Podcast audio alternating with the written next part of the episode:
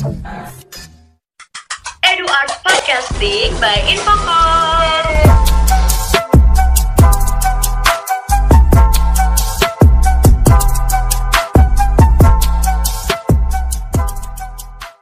Hai semua, Assalamualaikum warahmatullahi wabarakatuh. Selamat malam.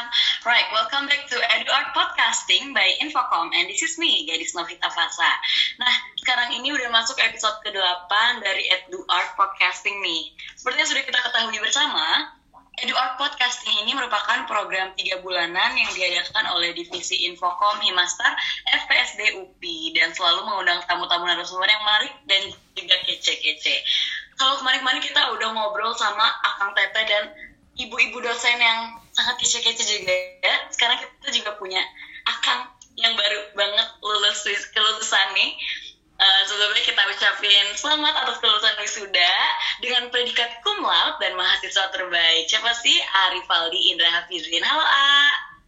Halo gadis, ya Oke. terima kasih sebelumnya. Sama-sama A. Nah, sekarang nih kita langsung masuk aja ke pertanyaan eh, yang akan kita tanyakan bersama juga ya. Iya, Kayaknya apa yang arahi itu pasti bakal menjadi motivasi untuk adik-adiknya juga kan, di mana pada masa kuliah AA itu menjabat sebagai ketua himpunan dan pastinya memiliki tanggung jawab yang besar dan AA juga menjalankan kewajiban yang sebenarnya yaitu belajar gitu. Oke Hmm. pertama, bagaimana sih A perasaannya pas kemarin lulus wisuda dengan predikat cum laude dan menjadi mahasiswa terbaik? Oke langsung jawab nih. Ya langsung A. Ya jadi gini sebelumnya makasih udah eh, apa ya diundang juga ke Edu Art Podcast dari himpunan mahasiswa seni tari Himastar. Eh, terima kasih juga atas kesempatannya.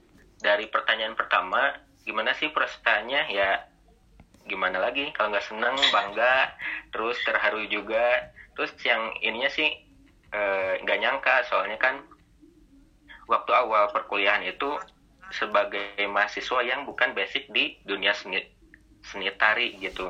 Jadi banyak mahasiswa lain yang udah eh, kualitasnya dari seni tari ya. Seni tari dari geraknya atau tekniknya udah udah bagus. Terus kan eh, saya sendiri baru belajar tari itu baru SMA SMA nah jadi nggak terlalu gimana gimana dari tekniknya. Jadi ya dari awal masuk nggak nyangka aja kalau benar-benar bakal dapat predikat cum laude bahkan jadi mahasiswa terbaik.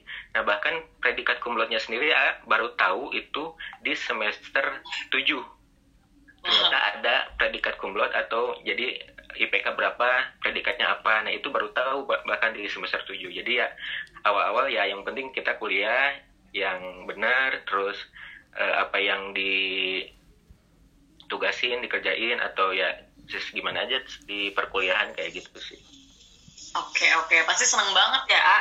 Lulus wisuda, predikat cum laude, mahasiswa terbaik. Nah itu lagi? sih jadi jadi bonus lah jadi kan awalnya kita nggak nggak bisa apa-apa jadi insecure duluan kan insecure duluan Iya. karena yang ngerasa diri sendiri nggak punya eh, apa ya bak- bekal atau bahan yang lebih jadi ya harus kerja keras dari awal sih mungkin itu dari predikat sama eh, mahasiswa lulusan mahasiswa terbaik ya itu mah hadiah lah gitu Oke. Next question, gimana nih cara menyeimbangkan waktu dalam akademi dan organisasi? Karena kebetulan kan AA ini menjabat sebagai ketua himpunan, yang mana pasti menyita waktu belajarnya dong, atau AA punya target atau plan-plan yang tersusun nih pada saat itu. Iya, sebenarnya kan kalau misalkan akademik sama organisasi itu udah dilakuin sejak SMP. Jadi memang dari Oh. SMP itu rutin ikut kegiatan organisasi, akademik juga lumayan eh, bias bisa menyimbangi. Jadi contohnya SMP itu pernah jadi ketua OSIS juga, terus eh, di SMA jadi ketua ekstrakurikuler, tapi akademik ya kita- akademik kan wajib ya. Jadi memang harus mau Iya. nggak mau tetap kita lakuin. Jadi akademik sama organisasi ya tetap bisa dilakuin di perkuliahan. Jadi selama SMP SMA ya aktif organisasi, jadi masa sih di perkuliahan nggak ikut organisasi gitu. Iya, iya. Nah, kalau misalkan antara organisasi sama akademik, sebenarnya kan itu pilihan ya. Pilihan, terus ada juga istilah kupu-kupu, kura-kura, kupu yang kuliah pulang, kuliah pulang ya itu kan pilihan mereka juga yang mau Iya. eh, mungkin kalau gitu mereka mau fokusnya ke akademik nah di sini AA pilihnya mau uh, antara akademik sama organisasi jadi pilihan saya sendiri gitu. Oke. kenapa? Soalnya dari sisi organisasi sendiri ada hal yang nggak di, kita dapat dari perkuliahan dari segi akademik. Jadi kita bisa dianggap dalam organisasi kita ngasah soft skill kita di luar perkuliahan. Nah itu ada di organisasi. Nah gitu. Jadi dari organisasinya sendiri kan sebenarnya bisa kita ikuti juga organisasi di luar kampus.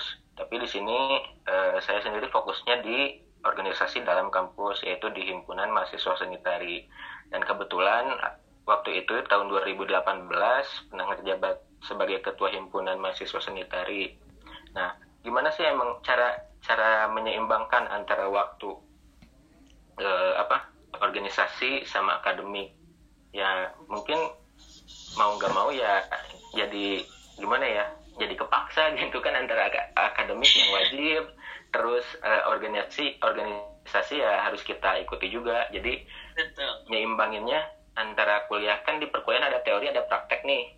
Ya. Mungkin sekarang karena ininya pandemi mungkin ada agak berbeda sih ya tapi Iya, mungkin, iya.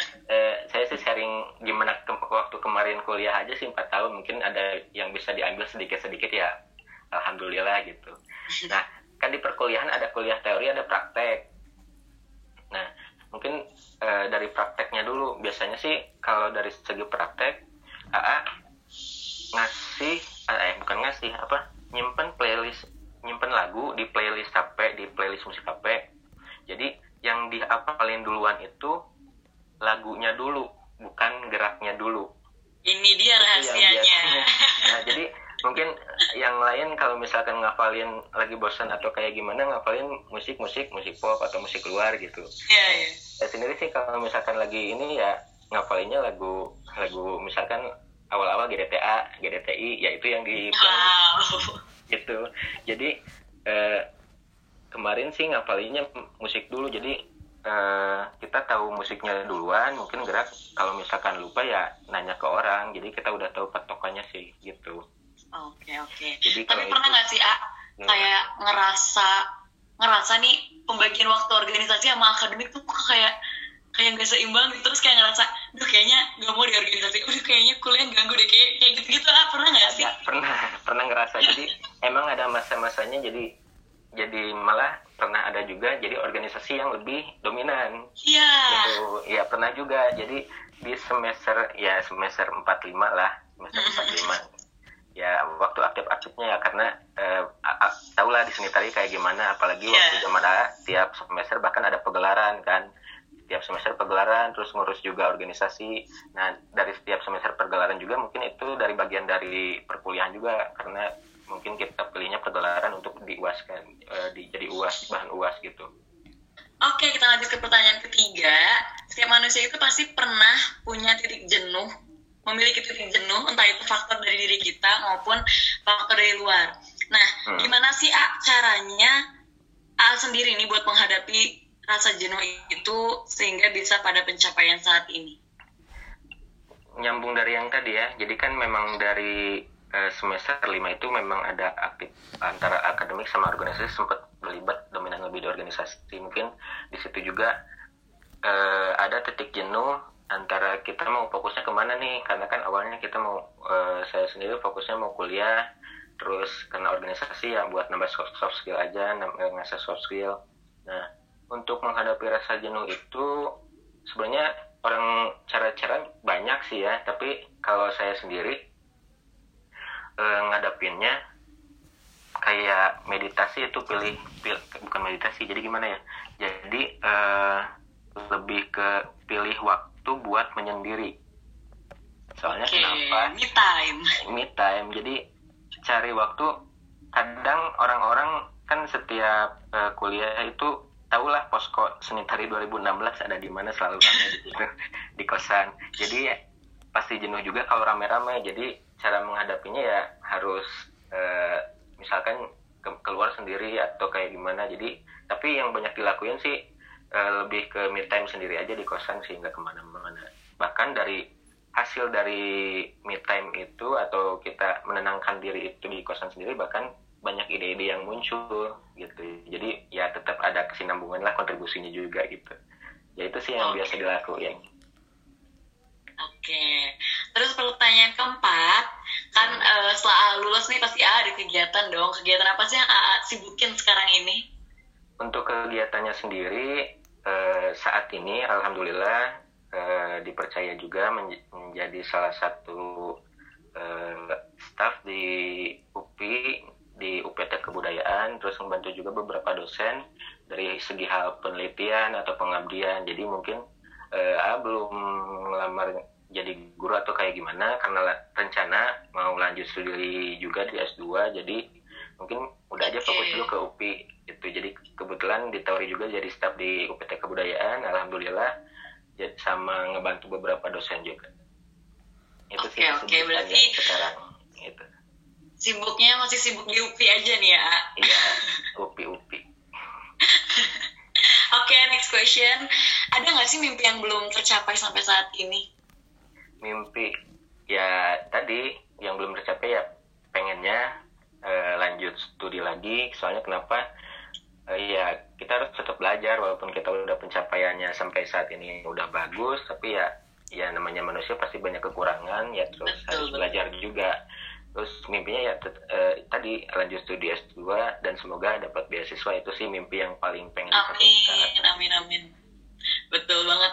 Ngomong-ngomong tentang S2 nih, A, jadi kepo deh. A, ini kira-kira mau ngambil studi apa nih yang selanjutnya? ya karena kegiatan sekarang di UPI ya ren- rencana sih rencana eh, ma- eh, daftar lagi ke UPI tapi awal-awal sempet pengen ke UGM tapi ya mungkin karena ada sesuatu dan lain hal jadi ya akhirnya memutuskan untuk ya udahlah UPI dulu aja gitu semoga nanti oke, oke. Iya, kita doain sama-sama semoga A Amin. bisa ngejar S2-nya ya, A. amin, amin. Amin. Ini pertanyaan terakhir, bukan pertanyaan sih, ini kayak eh apa ya? Kata-kata terakhir dari AA buat podcast ini nih. Ada nggak sih motivasi untuk eh, adik-adik tingkat atau para pendengar podcast episode kali ini dari AA sendiri? Untuk kata-kata atau motiv- motivasi. Mungkin pendengar podcast di sini dominan ya anak seni tari juga kan. Jadi Iya. kita eh, saya sendiri fokusnya ke mereka-mereka yang sebagai mahasiswa seni tari atau mungkin yang di luar juga nonton ya mungkin bisa diambil eh, hal positifnya gitu. Nah, jadi motivasinya untuk semua kalau misalkan kita udah eh, menentukan sesuatu hal ya kita harus fokus. Nah, kalau misalkan kita harus misalkan mau kuliah nih di UPI ya fokus kuliah di UPI. Kalau misalkan mau ngasah soft skill ya bisa juga tadi ikut organisasi. Terus tetap semangat juga apa yang udah kita pilih. Jangan jangan apa ya jangan di menjadi sebuah penyesalan. Karena memang ya kita tetap harus maju gitu. Mau nggak mau sampai tamat tetap harus dilakukan. Seperti itu sih. Tetap semangat aja sih sama fokus. Wah, bagus banget motivasi Arifaldi bener-bener untuk saya pribadi ya, saya ngerasa "Hmm, oke gitu.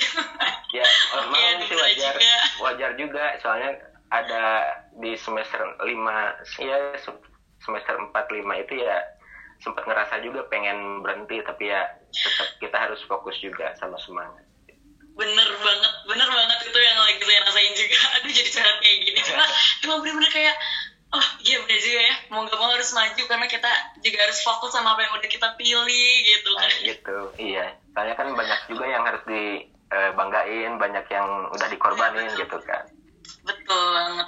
Wah, setelah mendengar jawaban-jawaban dari Arifaldi tadi, siapa sih yang gak kagum sama Arifaldi? Pertanyaan dan motivasi tadi merupakan pertanyaan terakhir kita sama Arifaldi. Banyak banget ya ilmu yang kita dapatkan dari Arifaldi hari ini. Terima kasih Arifaldi sudah mau meluangkan waktunya dan tenaganya Ya, untuk sharing sama terima kasih kami. juga ya buat Iya sama-sama. Ah, Semoga Arifaldi makin sukses ke depannya. Amin, amin. Terus juga cepet-cepet S2 lagi, ngejar Amin. mimpinya lagi. Iya. Amin, doain sama-sama ya teman-teman. Dan semoga podcast kali ini bisa menjadi inspirasi dan manfaat bagi teman-teman semua. Saya Gadis Novita Fasa, pamit undur diri. Dan sampai jumpa kembali di Edu Art Podcasting by Infocom yang selanjutnya. Wassalamualaikum warahmatullahi wabarakatuh.